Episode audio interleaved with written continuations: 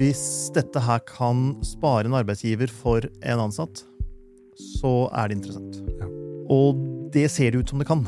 Journalister, jurister kan bli erstatta. Ja.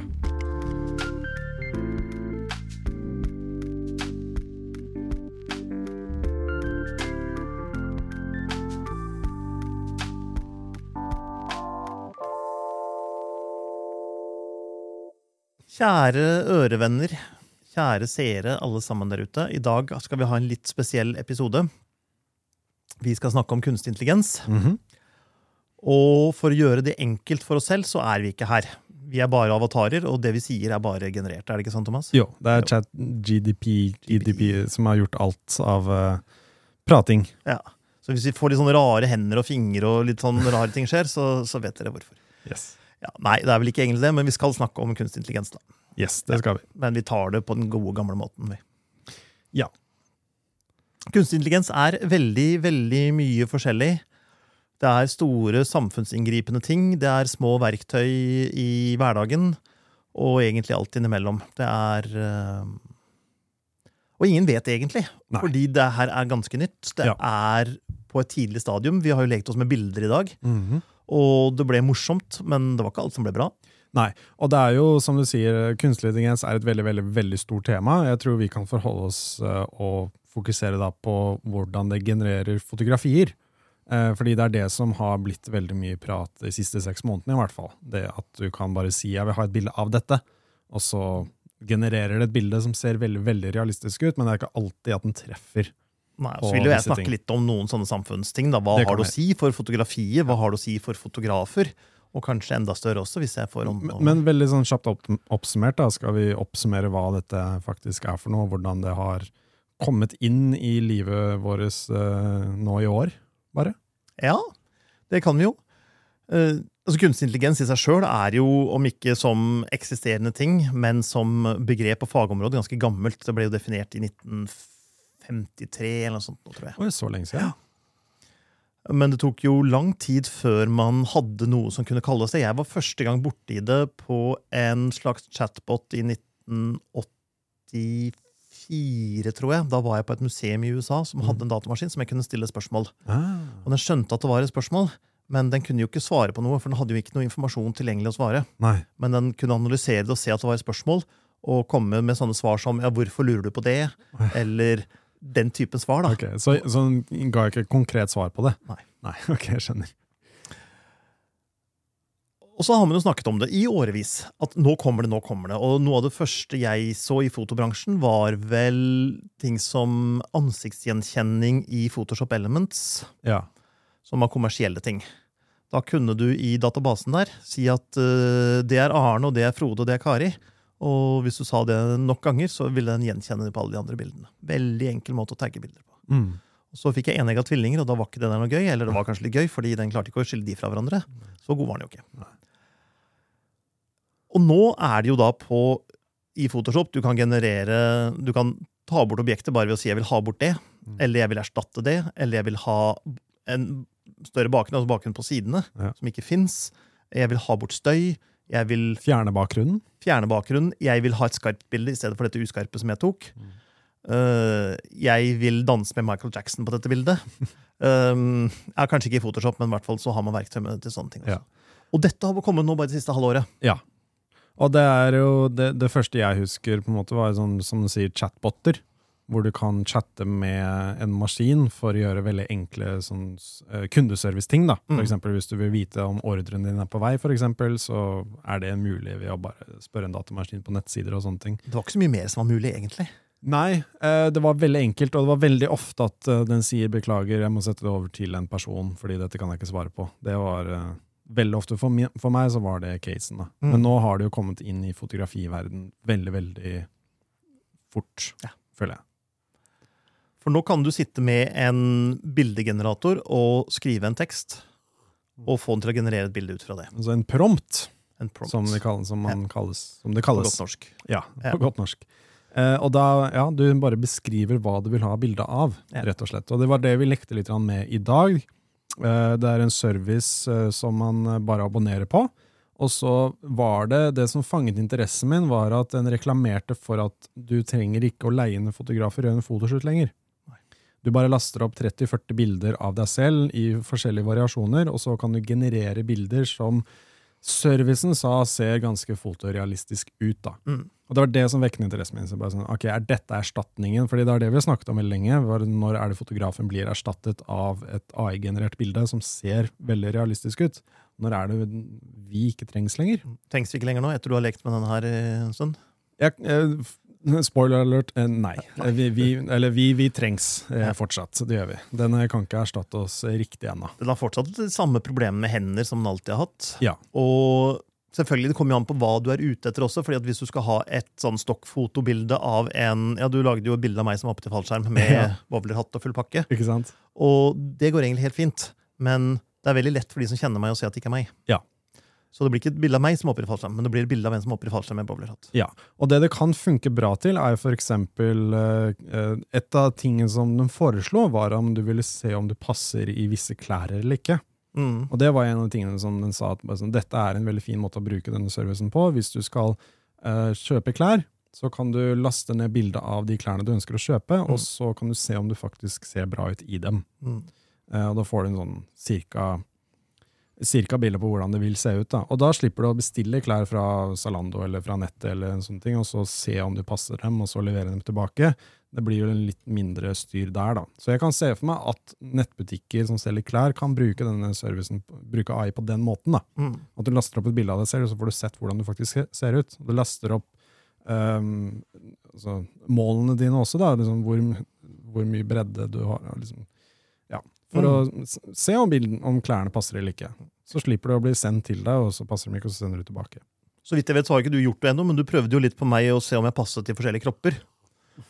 Um, Ja, så det- nå det var vet en- jeg hva slags kropp jeg skal bestille, da, hva som passer. Det var en bodybuilding-template som vi lekte oss litt med. Og da var det sånn, det, da, det, det er to forskjellige måter å bruke denne servicen på. En er at du laster opp som sier, du laster opp 30-40 bilder av deg selv, av modellen som du ønsker å bruke.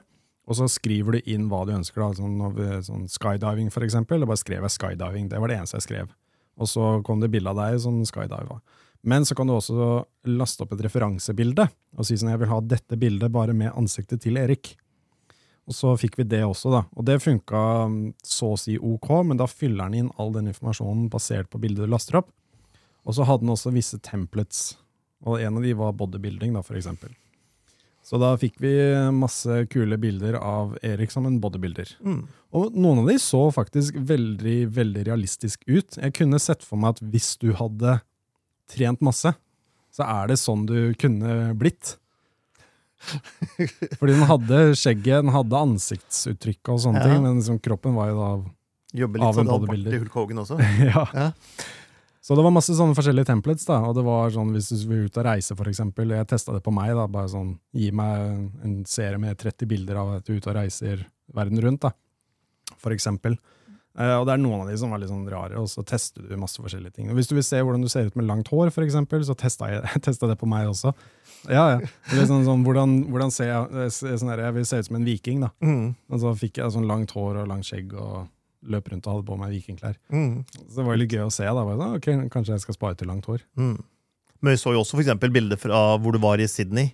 Så var det jo to operahus, for eksempel. Ja, ikke Ja. sant? Så det, maskinen veit ikke helt hva det er for noe. Nei. Men det jeg er litt usikker på, er på en måte Jeg tror jo mer informasjon du legger inn på forhånd, jo bedre blir, blir bildet, og mer realistisk blir bildet, og mer nøyaktig blir bildet. Mm. Så du må jo vite hvilken informasjon du skal putte inn. Det er jo det. Altså jo mer Men, men disse vet jo ennå ikke hva ting er. Nei, det er det. Altså, Et bilde er tagget med person med et kamera. mm. Og så har den kanskje gått gjennom 100 000 sånne bilder med person med kamera. Og da vet den i gjennomsnitt hvordan et kamera ser ut. Så når du ber om en person med kamera, så får du en person med et gjennomsnittskamera. Og det er et veldig, veldig rart kamera. Ja, veldig. De ser aldri ut som de ser ut som ekte. Og vi lastet opp et bilde av deg hvor du holder en Nikon Z9 Mm. uh, i London. Og da anerkjenner du at det er et kamera som du holder, og så sier jeg lag et AI-bilde basert på dette bildet. Men den tippet bare opp Ok, de vet at Sony er kamera. Mm. Så da bare putta han Sony på kamera istedenfor uh, Nikon. Ja, og Sony på skjorta mi i stedet for foto.no. Ja, Ja. fordi på prompten så hadde han da skrevet inn Sony og et par eksempler på Sony-kameraer. da. Ja, akkurat. Og så bare generer basert på det. Ja. Men så så bytta jeg ut de ordene og skrev Nikon istedenfor, og da sto det Nikon på kamera. Okay, Men det var jo ikke et kamera som var å kjenne igjen. Nei. Så, som du sier, Den tar bare informasjon fra masse, masse forskjellige ting, og så putter det litt sammen, og så får du en sånn gjørmegreie-versjon av et kamera. Mm. Da vi lagde duett med meg med masse kameraer. Ja. Og alle kameraene var gjørme, og alle kameraremmene var gjørme. Ja. Så det var jo ikke noe der som egentlig kunne brukes. Nei. Og det vi også, som du sa tidligere, hender for eksempel, er en veldig Det klarer den ikke helt å forstå. da. Nei. Så med en gang du har hender i, i bildet, eller hvis du har for eksempel en arm Hvis du lener deg inntil Jeg så også et bilde av meg hvor jeg lå i en eng og lente Brukte ene armen min som hodepute. Så jeg hadde ene armen min liksom opp og bak hodet. Og da bare var det skuldre og litt sånn gjørmete greier som den ikke helt skjønte at var en arm. da. For de er jo egentlig ikke intelligente. Altså Vi kaller det kunstig intelligens. Ja. Men det er jo ikke egentlig en intelligens. Det er jo bare en enorm tilgang på data som den kan gå gjennom. Mm. Men den skjønner ingenting. Nei. Og, og i mitt hode, så det som skildrer en intelligens fra en database, det er jo at den skjønner noe. Mm. For dette her er jo egentlig bare en database som den kan hente informasjon ut av og lage noe ut ifra. Så, så det er jo ennå en stund til de overtar verdensherredømmet.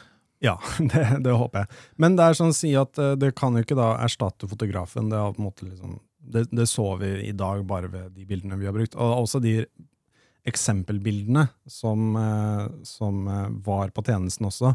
Jeg vil ikke si at det erstatter eh, en fotograf. Hva du klarer å få til. Det blir ikke realistisk. Men hva er det det kan da brukes til? Det er jeg litt usikker på. Jeg vet liksom ikke hvilke bruksområder det egentlig har. sånn riktig ennå. Nei, altså på foto så er vi også veldig mye mer vare for at ting ikke er 100% Hvis en skal lage illustrasjoner, så blir det veldig bra. Men på foto så Den kan gjøre mye på foto også, men det er nok en del ting som den sliter med. Mm. Så hvis du tar hendene i lomma, så er det veldig mye lettere. For da ser man ikke det. Og så blir det mindre og mindre artefakter. Men jeg har jo sett bilder av blomstereng i solnedgang hvor det er sånne rare, hvite, kryptiske tegn nederst. Fordi det er gjennomsnittet av alle signaturene som folk har lagt på, eller vannmerkene som folk har lagt på. Ja? Og den skjønner ikke at det ikke er blomstereng. Nei. Så,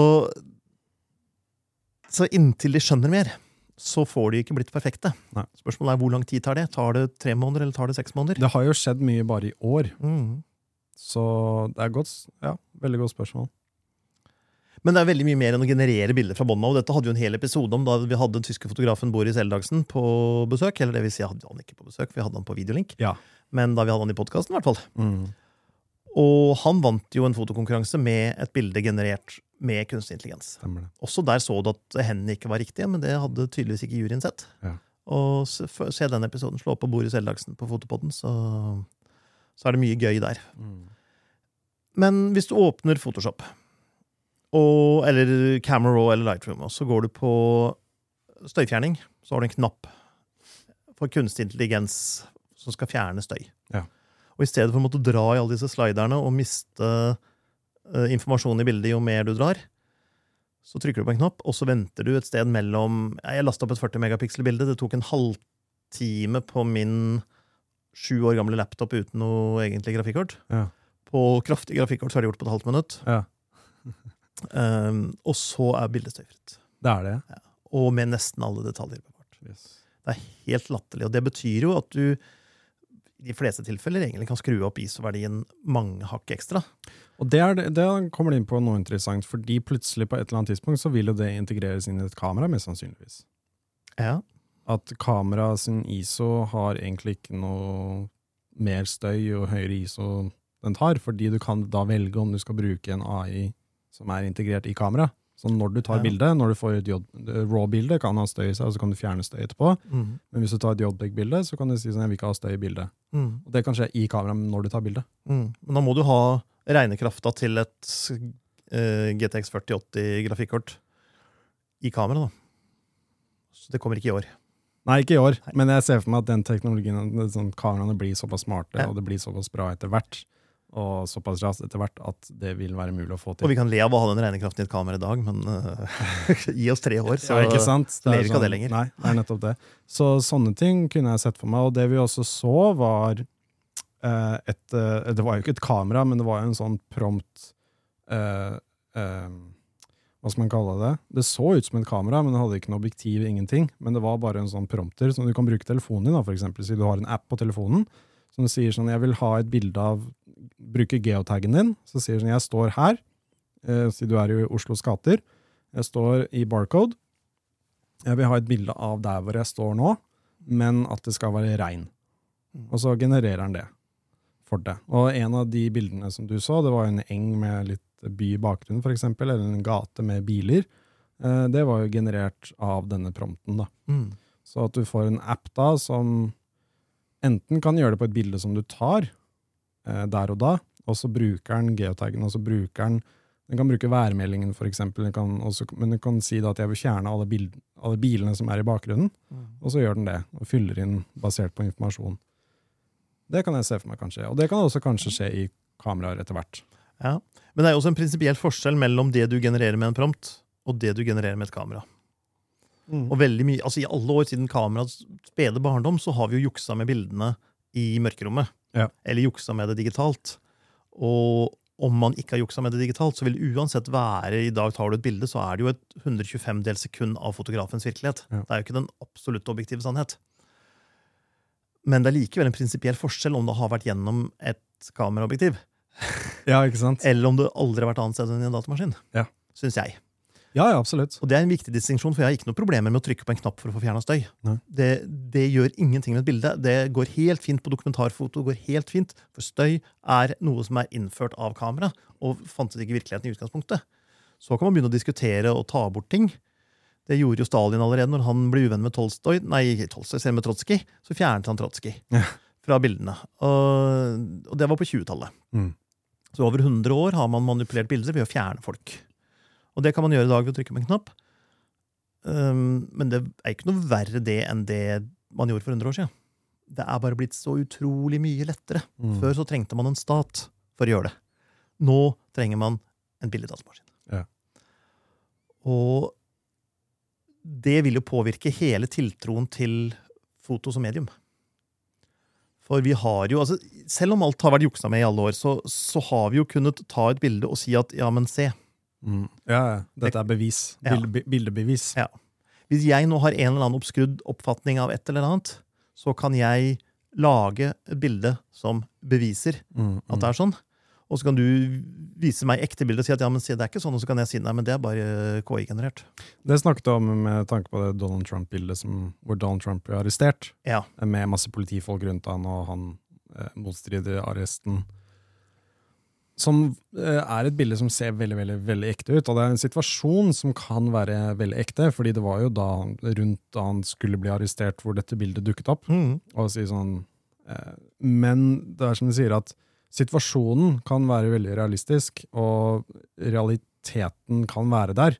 Men er, hvis du da ser at det bildet er på litt nettsider som man ikke helt stoler på, det er ikke overalt, det er ikke, det er ikke et stort nyhetsoppslag i alle aviser, og det bildet er ikke i alle aviser, så begynner man å tvile litt på det, men selve bildet ser jo veldig realistisk ut. Mm. Ja, nei, Det er jo noe det med, med, med hvor mange kilder kommer det fra. Men vi Ja. har jo tilfeller av nyhetssaker som er blitt slått opp i store eh, nasjonale medier og internasjonale medier, som har vært fake, fordi noen har tatt noe for god fisk. Ja. Da sitter det en journalist hos Associated Press og misforstått noe, Ja. Og så sendt ut. Og så tenker eh, journalister at kommer det fra Associated Press, så er det greit. Ja. Og så trykker vi det Ja. uten å sjekke, og så er det feil. Det skjer. Og sånt vil det jo kunne bli mye mer av. Um, I tillegg så er det jo en del ting hvor man ikke har mange kilder. Vi har jo nylig hatt noen gjennomganger av Billand bildene av Palmjenta. Mm. Det er ikke så mange kilder til det som foregikk der. Nei. Det var en som filma, det var en som tok bilder. Og hvis noe er faka, så, om man har en som er sann og en som er fake, og man ikke kan se forskjell på bildet, hvordan vet man hva som er sant og hva som er fake? Ja. Så kan man spørre de som var der, hvis de lever fortsatt. Ja. Men det er ikke det kan ikke enhver altså, enkeltperson gjøre. Man kan ikke bare gå og spørre disse her hva var det egentlig som foregikk. Stakkars disse her hvis alle skulle spørre om det. Og Det er derfor man har medier, for å kunne spre den typen informasjon. Men hvis all troverdighet til medier forsvinner, så da er det jo fritt, fritt fram for løgn. Ja, og jeg føler at det på en måte er det litt grann allerede litt sånn alternative sannheter og, og alt det der som har blitt snakket om. Mm. Hvor eh, du føler at din sannhet er den rette sannheten, selv om faktaene sier det motsatte, men at du har allerede kommet til konklusjonen din, basert på hvordan, hva du føler, og at Mm. du bare mener at det er sånn. Mm. Så all fakta som motstrider det, er bare fake. Mm. Jeg har jo, dette, men dette her ligger i genene våre. Jeg har snakket med religiøse mennesker og stilt dem spørsmålet hva hvis man fikk ugjendrivelige, fakt, ugjendrivelige bevis for at det ikke finnes noen gud. Ville det endret øh, deg og din tro? Nei. De ville trodd nøyaktig like mye, selv om de fikk ugjendrivelig bevis på at det ikke finnes noen gud. Mm. For det har ikke noe med sannhet å gjøre, det har noe med tro å gjøre. Ja. Og, og det ser man på veldig mye av dette. Man ser det på konspirasjonsteorier, og man ser det på mistroen til såkalt mainstream media, og man ser det på alt dette her. At det er så mye behageligere å velge hvordan verden skal være. Og så holder jeg meg til det, for da slipper jeg å forholde meg til å vurdere om noe er sant eller ikke sant. Og, så videre, og, så videre. og det Donald Trump gjorde, for eksempel, som var så genialt, men samtidig så ødeleggende, det var jo ikke å lyve, men å lyve så mye og så ofte at man ikke lenger orket å si det er løgn, Mm. og det er løgn.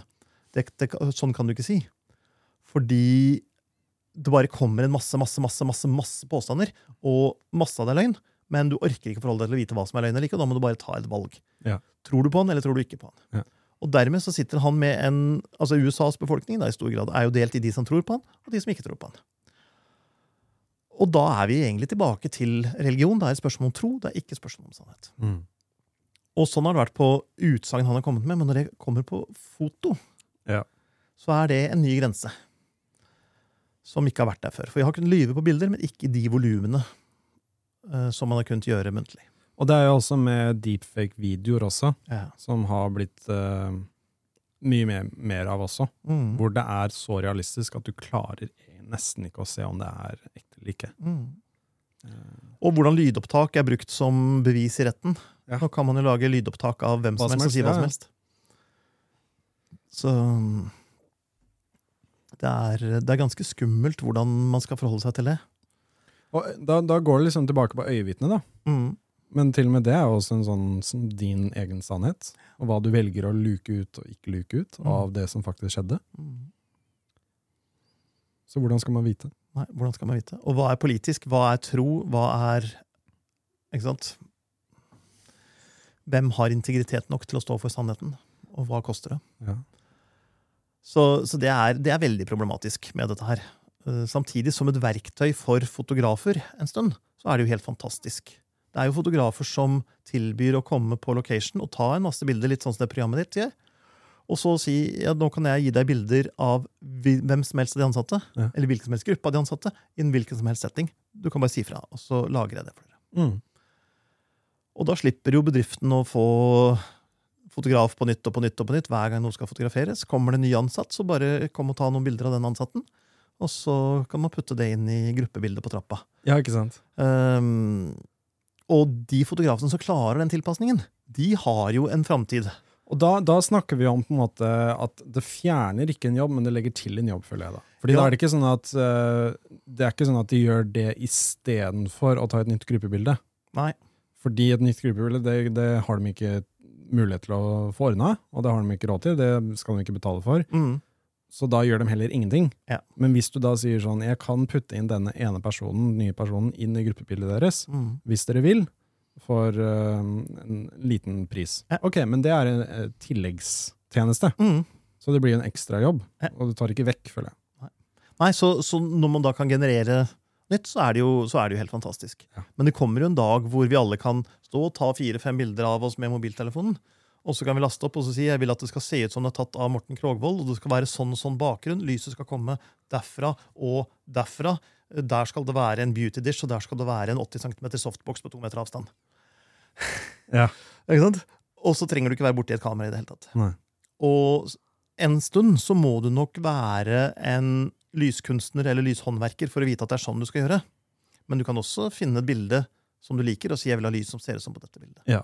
Bruk dette bildet som referansebilde. Ja. og det brukte jo den tjenesten som vi testet. Ja. Der kunne man gjøre det. Og da blir det ikke så lett å være portrettfotograf lenger. Det det kan funke som, er jo som å bruke det akkurat sånn referansebilder. da. Når du skal pitche inn disse ideene til kunder, Mm. og pitche de til selskaper, så kan du bruke det som en del av pitchen din. Og si sånn, sånn her cirka vil bildet faktisk se ut. Mm. Istedenfor at du storyboarder det og gjør det på den måten, så bruker du da et AI-program for å generere Altså liksom du får sjefen til selskapet til å skydive, da, for eksempel. Mm. Og så sier sånn, sånn her skal vi gjøre det. Vi putter et GoPro på hjelmen, og så vil det se sånn her ut. Mm. Og da er det mye enklere å selge inn det visuelle til dem, da. Hvis de er liksom litt sånn skeptiske og vet ikke Ja. helt hvordan det blir. Men Ja. hvem skal få betalt for å generere det visuelle når det faktisk gjøres? Skal det da gjøres ekte, eller kan det gjøres Ja, nei, det blir av prisen på en KI, og det eneste du trenger å gjøre, er å skrive en avansert nok prompt? Det er det som er litt sånn, kan være litt dumt, da, at hvis de sier sånn Vet du hva, det bildet der ser jo egentlig veldig bra ut. Mm. Trenger vi å ta det, egentlig? Jeg syns det der ser greit ut. Du kan få 500 kroner for den prompten som Ja. du brukte for å lage det. Ja. okay. Og så er vi ferdig. Ja. Trenger ikke å hoppe ut av et fly, vi, for å ta, ta et bilde av at vi hopper i fallskjerm. Nei. Bare generer det, så er vi good. Så, så det kan jo bli veldig utfordrende. Mhm. Det vil jo fortsatt være noe kreativitet involvert her, hvordan ting skal se ut, men det vil jo være en helt annen form for kreativitet med helt andre verktøy. Ja. Og kreative mennesker kan ofte få utløp for kreativiteten sin, enten de har et kamera eller ikke. Det er ikke alle som må ha et kamera. Men å skulle leve av å være fotograf, ser jeg for meg om noen år kan bli ganske krevende. På en del områder, da. Var det ikke litt sånn når det gikk fra analog til digitalt òg? Jo, men så har fotografene blitt færre og fått dårligere arbeidsforhold også. Ja. Det har blitt mye mer krevende å være fotograf. Ja. Og noen ting faller bort. Dokumentarfoto vil nok fortsatt være viktig. Men, øh, men en del sånne portrettfoto, bryllupsfoto-type ting Der kan man jo egentlig få de perfekte bryllupsfotoene hvis du bare har bilde av kjolen og dressen og ansiktene. Det var jo NFT som jeg føler bare har forsvunnet av eh, fra diskusjoner generelt nå. Men det eh, Non-fundable tokens, var det ikke det det står for? Og det er jo en digital altså, eh, bevis på at Ja, du sånn eier Ja. på, på at du eier Mm. kopirettighetene til dette bildet, kun dette bildet. Mm. Eh, kanskje det kan være en måte for å bevise om et, at et bilde er ekte eller ikke, for da får du, da får du metadatainformasjonen Mm. av bildet, og da kan du se hva som er gjort med bildet og ikke. Ja. Og da får du tak i det originale bildet med- ved hjelp av en NFT, som beviser at dette bildet ikke er tuklet med, Mm. eller ikke. Noe sånt nå vil jo, vil jo kunne gå an, men går det ikke an å legge det inn på et kunstig generert bilde? Så det ikke trenger å være ekte i utgangspunktet? Jo, men da vil det jo stå at det er generert av en software. Da vil det ikke stå hvilket kamera det er tatt med. Er det ikke sånn det vil funke? Eh, Jo, med mindre du kan legge inn den informasjonen før du kjører en sånn blockchain-greie på det. Og ja, sånn er at du legger det inn i metadataen. Ja. ja. Da må du jo også se at den sånn metadataen er tuklet med. Ja, men du kan ikke si at noe er tukla med før denne blockchainen er lagt på. Ja, sånn er. Og den kommer ikke som en blockchain rett ut av kamera. Nei. Um... Hva med sånn merking, da, sånn som vi har med mm, retusjert person nå, med, i reklamer? det- Å si at det er merket hvis det er et AI-bilde som, som du bruker, mm, som, du, som du går ut og sier er ekte, mm. uten at du, måtte, du legger Du prøver å skjule at det er generert med en AI, da. Og det kan man så lenge, så lenge brukeren har gode intensjoner. Ja.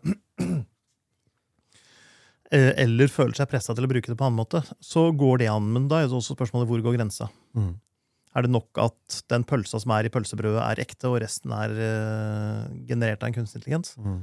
Eller skal det ikke ha vært innom kunstig intelligens i det hele tatt? Og hva da med autofokusen i kameraet ditt, som bruker mye kunstig intelligens og deep learning for å kunne følge et motiv i bevegelse? Er ikke det lov? Eller trykke på fjern støy-knappen i Photoshop? Er ikke det lov? Hvor går grensa her? Altså, eh, det blir Det er måter, men de blir krevende. Mm, Og så snakker man jo om å kunne lage KI-er som kan detektere hva som har vært tukla med, og hva som har vært generert av sånne som den. Ja. Og det kan kanskje fungere, jeg vet ikke. Det er veldig mange spørsmål her. Det blir en Mm. veldig interessant diskusjon. Og vi har så vidt gått uh, inntoucha overflaten av dette, føler jeg. Mm. Eh, kanskje det bare tar over veldig mange jobber, eller kanskje det bare forsvinner, og så er det bare en liten trend, sånn som 3D på Skal film. ikke noe før klokka fire, ja. Så. Nei, vi kan jo vente og se. Men det er sånn, kanskje det er bare en trend, sånn som ja. bitcoin kom og gikk, og NFTs kom og gikk. eh, Internett kom og gikk, og datamaskiner kom og gikk. Ja, Ja, ja. Men du veit jo aldri, sånn eh, eh, 3D i, på kino kom og gikk. Mm. Eh, kanskje, kom og gikk. Ja, og kom tilbake, og så går det Mm. litt, og så kommer det tilbake, og så går det. Så kanskje dette også er bare en ting som eh, Ja, men spørsmålet er jo hva ehm, Spørsmålet er hvem kan tjene på det? Ja. Hvis noen kan tjene på det, så forsvinner det ikke. Nei. Så øh, Hvis dette her kan spare en arbeidsgiver for en ansatt, så er det interessant. Ja. Og det ser det ut som det kan. Det som er litt interessant, synes jeg med dette her, er at altså, vi har jo hatt noen industrielle revolusjoner. Vi har jo hatt den gode, gamle industrielle revolusjonen hvor rene maskiner overtok for ren arbeidskraft. Fysisk muskelkraft. Og vi hadde jo dataindustrien, hvor man ikke trengte 100 regnskapsførere fordi noen få kunne gjøre det på et regneark. mm. Og man har hatt telekomrevolusjonen, hvor kommunikasjon er så lett at vi trenger ikke reise til et annet møte, kanskje. Vi kan bare snakke med hverandre over en videolink. Eh, alt dette her har jo fjerna ganske sånne enkle arbeidsoppgaver. Å skrive av tall i en bok, eller sveive rundt en maskin, eller gjøre sånne ting. Det som skjer nå, er jo at journalister, jurister, leger kan bli erstatta. Ja. Og derfor så kommer det til å møte mye mer motstand. Ja. Uh, samtidig så er det jo også ganske mye penger å spare på det. Når du ser at en KI kan finne en sykdom hos en pasient basert på noen bilder, Mm. og selv når uh, mennesker vet at vedkommende har den sykdommen, og ser de samme bildene, så klarer de ikke å se hva det er som gjør det. Ja. Eh, de kan ta jobben fra piloter. Altså, man snakker om selvkjørende biler. Hva med selvkjørende fly? Ja. Ville vi sittet i et selvkjørende fly? Det kan veldig godt være. Eh, Kjøre sjøl kan være litt gøy, men når du likevel sitter i flyet, så er det ikke noe vits å betale for noen piloter hvis en, en datamaskin kan gjøre jobben bedre. Eh, Så jeg tror dette her vil utvikle seg videre. Mm. Og det som jo er faren, er jo at kommersielle aktører alltid vil bevege seg raskere enn myndigheter som skal prøve å lovregulere. Og selv om det er uendelig mye bra man kan gjøre med kunstig intelligens, så vil det være i hånda på kommersielle interesser, og om noen kan tjene penger på det. Det er det som vil styre det. Det er jo ikke om det er bra for menneskeheten. Det er bra om det er bra for aksjonærene Mm. som styrer det. Og i en teknologi som går så fort og har så enorme ringvirkninger, så er jo det litt skummelt. Ja. Syns jeg. Jeg er helt enig. Eh, Det er som du sier, sånn, hvis man kan eh, spare penger på det, så er det en interesse. Mm. Og en av de tingene som også er interessant, som har kommet ut nå nylig, som jeg faktisk skal teste på denne episoden her, er eh, videoredigering og AI. Mhm. Eh, Fordi vi filmer jo denne podkasten, som vi kan se på YouTube-kanalen vår. Og akkurat nå, så vanligvis er det jeg som sitter bak spakene og bruker en ATMI, en videomikser, og mikser fra kamera A til B. Mm. Bytte mellom to kameraer. Eh, å sitte i etterkant og gjøre det, må du gjøre, da må du gjøre det manuelt. Da må du klippe liksom, i redigeringsprogrammet mellom hvert kamera, frem og tilbake. Ja. Som er helt ærlig veldig veldig kjedelig, veldig lite kreativt. Det er eh, ikke noe gøy i det hele tatt. Men det tar lang tid. Det tar alltid lengre tid enn selve podkasten. Så hvis Mm. podkasten er på en time, så tar det vanligvis kanskje to timer. Fordi du må vurdere, og noen ganger også klippe vekk ting. og sånne ting. Nå er det en AI som kan gjøre det, i Premiere Pro. Så det skal vi teste i denne episoden. Ok. Så når du snakker, så er den på deg, og når jeg snakker, Ja. så er den på meg? Så det jeg tror er at du, eh, så vidt jeg har forstått det, så linker du opp en eh, lydfil, eh, et lydspor. Så det er to forskjellige lydspor her, det er deg og meg. Linker det opp til eh, en kameravinkel, og så sier han at når det er aktivitet på dette lydsporet, når jeg prater, så skal de klippe til meg. Ja. Og så når det er aktivitet på deg, så skal den klippe til deg. Og den gjør dette på et par minutter bare. Ja. Så har du hele ferdig klippet. Men da skal jeg prøve å få en hostekule her, så får vi se hva som skjer. Ikke sant? Mens du snakker. Men det er sånn for eksempel eh, Jeg vet at uh, NRK P3 og veldig mange radiostasjoner bruker dette allerede nå, hvor kamera bytter vinkel basert på hvem som prater. Mm. Uh, så slipper du da å ha en som sitter og klipper dette etterpå. Mm. Så hva skal du gjøre da framover? Nei, hvis det er fint vær ute, så kan jeg ta en tur ut og bade litt og kose meg istedenfor, mens maskinen gjør jobben min. Ja, Du skal ikke si det til sjefen, nei, selvfølgelig. Nei, nei, Godt poeng. Det, det er smart der ute. Hvis dere får sånne verktøy, ikke si det til sjefen. Men det er sånn trøtt arbeid som uh, gjør at du da kan produsere kanskje to episoder med podkast i uka istedenfor én. Eller at uh, du faktisk får produsert en podkast i det hele tatt. Mm. Fordi det er det vi advarer, advarer veldig mange mot, at hvis du skal begynne å filme dette her og redigere det, og sånne ting, så vil det ta veldig mye tid. Da må du ha en ansatt som gjør det. Mm. Men uh, hvis du kan lære deg disse programmene og bruke de på en veldig fin måte, så er det faktisk mulig å få dette til uten at du må bruke mye arbeidskraft på det. Mm. Foreløpig så trenger man kanskje en ansatt som vet hvordan det settes opp og gjøres og Ja, ordnes. Så du har en som gir deg introduksjon på det, og så er det en på kontoret da som kan fikse det for Mm. deg. Det er det de visst på fagspråket kaller domenekompetanse. Mm. Det vil man fortsatt trenge. En, I USA så er det KI-er som har bestått eh, medisinsk embetseksamen, som har bestått juridisk embetseksamen, eh, med bra resultat. Men vi vet jo fortsatt at disse kunstig intelligensene de dikter opp ting. Ja.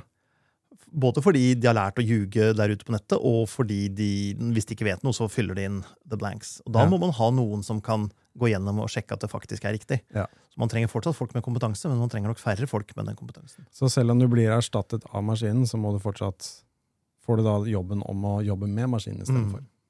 Og rette på maskinen. Og, og, Og sånn var det jo i første industrielle revolusjon også. Fra at du måtte eh, gjøre jobben sjøl, så trengte man maskinoperatører. Og så ble det frigjort folk eh, til andre ting. Så nå har vi kaffebarer og storkiosker på hvert eneste gatehjørne. Ja. eh, fordi det er så få mennesker som trenger å gjøre andre ting. Ja. Uh, og folk som sitter her og, og har som jobb å prate. Ja. ja. Merkelig jobb. Merkelig jobb, men ganske hyggelig. ja, det er hyggelig, det. Det er det. Nei, men Jeg syns det blir spennende å se fremover hvordan dette kommer til å utvikle seg. Jeg tror vi må ta en check-in uh, igjen, kanskje på slutten av året, Mm. eller på starten av neste år, for å se hvordan det har utvikla seg, dette her. Mm. Men uh, akkurat sånn som det er i dag, så er ikke jeg redd for jobben min, i hvert fall. Nei, jeg er heller ikke redd for jobben min, og det er jo fordi jeg begynner å bli gammel. Så det er ikke så mange år igjen. Det er verre for deg. Ja, jeg har et par år igjen, Ja. så jeg må nok lære meg å jobbe med dette her, Mm. enn å være den som protesterer imot. Mm. Så bruke det på en, eh, på en ok måte, og finne ut av hvordan jeg kan gjøre jobben min enklere for meg. Mm. Um, men eh, jeg vil nok ha, fortsatt ha en jobb et par år til, tipper jeg. Jeg vil gjerne ha deg som kollega et par år til. Altså. Jo, Hvis jeg er her et par år til. Takk. Ja, det gjenstår å se. Eh, nå har vi jo snakket mye om det som er i dag av, av tekstgeneratorer og bildegeneratorer. Men du har jo litt sånn ekte kunstig intelligenser. Som, du har jo noen sjakkcomputere, eksempel. Ja, Den første sjakkcomputeren brukte man mange år og millioner på millioner av dollar på å øh, få til å slå Gary Garry Kasparov. Og den klarte til slutt å slå Garry Kasparov. Den var spesialprogrammert for å slå nettopp Garry Kasparov. Ja. Den kunne antagelig ikke slått så mange andre topp Nei. sjakkspillere. Så lagde man en KI som øh, Det var vel den Alpha One, Alfa Zero. Og den tror jeg brukte seks timer på å bli så god i slakk- sjakk at den kunne slå den gamle Stockfish. ja. Stockfish er ikke gammel. Den er, øh, ville slått enhver uh, toppsjakkspiller ni av ti partier, og spilt remis den tiende. Uh, Alfa Zero brukte seks timer på å bli bedre enn Stockfish i sjakk. ja. Og Alfa Zero kan komme med forslag til trekk som ingen vet hvorfor er bra. Mm. Og du ser Magnus Carlsen bruker av og til noen trekk fra, han har lært fra Alpha Zero, ja. uh, og han vet ikke hvorfor det er et bra trekk. ingen vet hvorfor det er et bra Nei. trekk. Men Alpha Zero er bedre i sjakk enn noe menneske antagelig noensinne kan bli. Ja. Og det er litt skremmende. Og det har man foreløpig bare på begrensede områder. Men, men da har du plutselig en mulighet da, for å lære, å lære seg selv og lære seg videre. Som er utrolig spennende, utrolig skremmende. Mm. For ja, hva om man setter de til å gjøre noe smart? Styre et land, eller ja. Man har jo gjort litt sånn med, med de, de tekstgeneratorene tidligere, og, og fått dem til å ja, Det var en som, som skulle snakke på Twitter, ja. Skulle være litt sånn på Twitter og, og skaffe seg noen venner og liksom være litt sånn trivelig og jovial på Twitter. Og det tok et par dager, så var den altså nynazist og tilhenger av folkemord og Altså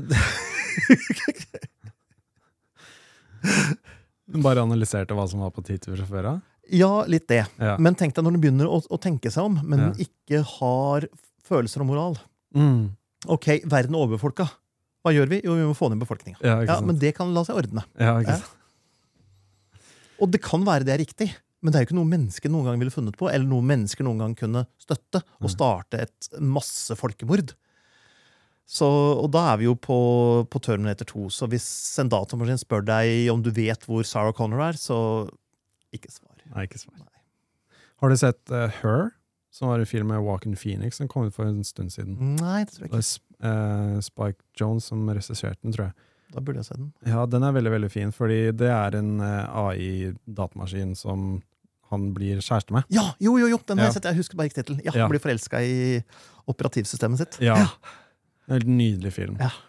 Eh, men den er jo også veldig, veldig trist, selvfølgelig. Veldig Mm. sånn Syns jo litt synd på han, på en måte, men det er jo en sånn fremtid som kan skje, hvor du har eh, en venn, rett og slett, Mm. i denne datamaskinen som du kan ringe og prate med. Mm. Eh, og det er også fra Westworld, så er det også en annen, en annen serie som er sånn litt sånn fremtidsrettet, hvor eh, du kan ha venner som har gått bort, Mm. som du kan ringe og prate med fordi du savner dem. Mm. og sånne ting. Og det er jo litt skremmende, fordi altså, det er jo mange i dag som sliter sosialt. Ja. Og øh, gjemmer seg inn i en datamaskin. Og det er i og for seg bra, da, da får de gjort noe med livet sitt og uten å føle seg altfor ensomme. Men det har jo gjort litt også at vi er blitt vant til at eh, sosiale relasjoner skal være litt perfekte. Man ser en del diskusjoner på, uh, på Tinder og sånne ting, hvordan man ikke får treff, eller man bare får sånne one night stands. Mm. Fordi alle plutselig har så mange kriterier til hvordan en partner skal være, at du aldri kan finne deg en. Ja. Og da er det veldig mye enklere å gå til en kunstig intelligens, for den kan være akkurat sånn som du vil ha den. Ja. Og, og du mister jo en hel masse, fordi at det å være menneske er jo sosiale relasjoner som faktisk krever noe av deg. Ja. Og det å akseptere at ikke alle er 100% enig i deg, Ja. og være ok med det, mm. er også veldig viktig. Ja. Og det vil du ikke få hvis du tilbringer tida di med en, en kunstig intelligens. Nei. Og når man gjør dette her til, til fysiske roboter også, så kan de jo se ut akkurat sånn som du vil de skal se ut. Det blir så interessant, fordi sånn, ehm, det, er noe, det er noe med oss som gjør at uh, liksom en god klem, for eksempel, det erstatter jo ikke en god klem. Og det merker du. du har en, når du får en god klem, så merker du det. Mm. Du blir, sånn, du blir rolig. Mm. Sånn, Skuldrene slapper av, og du på en måte er sånn ok. Det er en form for meditasjon. Mm. Du kan ikke det med en robot? Ikke i dag, men i Westworld så så ut som ja, i Westworld så gjorde de veldig mye rart med roboter. Uh, Hjernen vår er jo lagd sånn at vi lett lar oss lure hvis noe blir menneskelignende. Ja. Uh, da, roboter som ikke ser ut som mennesker, syns vi er jævlig creepy. Mhm. Datamaskiner som ser ut som mennesker Nå har man jo ikke det i virkeligheten egentlig ennå, men ansikter som ser ut som mennesker, de uh, Det fungerer bra. Mm. Så jeg ser jo for meg at hvis roboten er varm og myk og ser ut som en menneske, ja. så, så kan det Kan det erstatte? være nok. Ja. Jeg jeg vet ikke helt hvor grensa går. Og da har du ikke eh, da motivasjon nok til å gå ut og prøve å finne deg noen som kan erstatte den roboten. Nei, Noen som er sånn- krevende å være sammen med, som er uenig med deg, som har dårlige dager, som av og til har andre prioriteringer enn deg. ja. Altså, Som ikke vil spise samme middagen som du vil spise samme dagen. Som liker noe annet. Ja.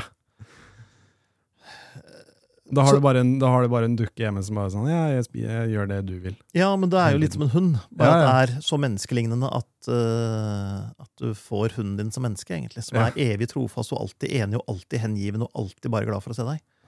Så Så deilig.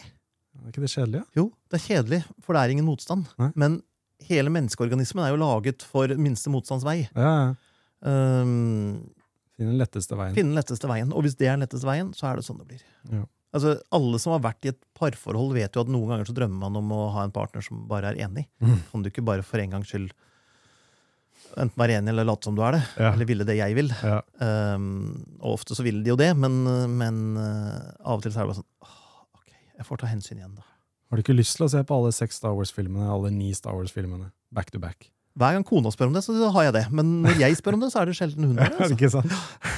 Har hun spurt noen gang? Nei.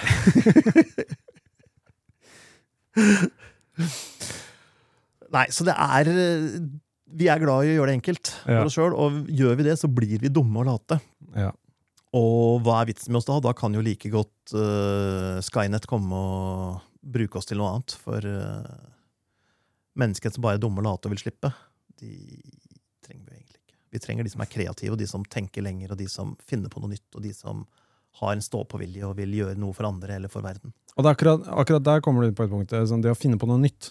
Fordi det er jo det A1 faktisk ikke gjør enda, i hvert fall. Mm. Den, den genererer jo basert på informasjon som er der ute. Den finner ikke på ny informasjon. Nei. Og der vil det kreative være viktigere enn noen gang, tenker jeg da. Mm, absolutt.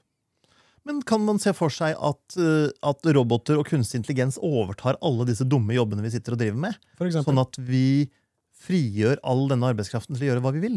redigere multikameraproduksjoner, eksempel. Ja, men altså, det er ikke sikkert at vi blir arbeidsledige av det. Nei. Si at i en perfekt verden hadde man klart å styre det sånn at du kunne jobbe en dag i uka, jeg kunne jobbe en dag i uka, kanskje med å sitte her og prate og kose oss. Og så beholdt vi lønna vår, Mm. fordi all inntekten ble generert av kunstig intelligens og roboter. Ja. Og så kunne vi være kreative og gjøre akkurat det vi ønsket. Tenk deg den kreativiteten, tenk Mm. deg all den frivilligheten, tenk deg all den innsatsen på morsomme områder. Tenk alt man kan oppleve og erfare når du ikke må bruke all energien din på jobb. Ja. I en perfekt verden. En perfekt Det hadde verden. vært kult. En av de tingene som kom veldig nylig, er jo det at eh, teksting på videoer For eksempel, Vi har jo TikTok og Instagram-kontoer, Mm. og der må de alltid tekstes, fordi folk ser ikke på med lyd. Så du må legge på tekst. Så det du sier, det må komme opp Det ordet du sier, det må komme når du sier det. Mm. Og gjerne med litt animert og sånne ting. Det er også arbeid som er utrolig trøtt og kjedelig å Ja. gjøre. Fordi du må skrive inn hvert eneste ord, og så kan du ikke bare skrive en lang setning. Du må stoppe hva han sa der. ok, Kanskje han sa det litt sånn feil, men da må jeg skrive riktig. Eller hva var det han faktisk sa? Noen ganger som jeg spør hva er det du sier her for noe, så må jeg skrive riktig ordet. Mm. Sjekke hele tiden. Nå er jo det også en app som bare genererer det. Eh, og får det 80 eh, riktig, og så må du gå inn og bare smårette på, på timingen og rettskriving og sånne ting. På noen ord. Mm. Det er også en jobb som jeg gledelig gir fra meg. Programmerere Ja. Så nå kan fortelle KI-en jeg vil ha et program som gjør sånn og sånn og sånn, og sånn, Ja. den og den og den måten, og så lager den koden. Ja. For å skrive selve koden er jo ganske kjedelig. Å Mm. løse problemet Ja. er jo det som må til. Å finne løsninger, å finne grensesnitt som fungerer, osv. Men å selv, skrive selve koden er jo ganske kjedelig. Ja. Der er de allerede i dag veldig veldig flinke. Det er ikke sikkert man trenger så mange programmerere, men man trenger de dyktige programmererne. De som vet hvordan man løser ting, og de som ser det store bildet. De vil man absolutt trenge videre. Mm. Så de flinkeste vil alltid Mm. vil nok klare seg. Ja.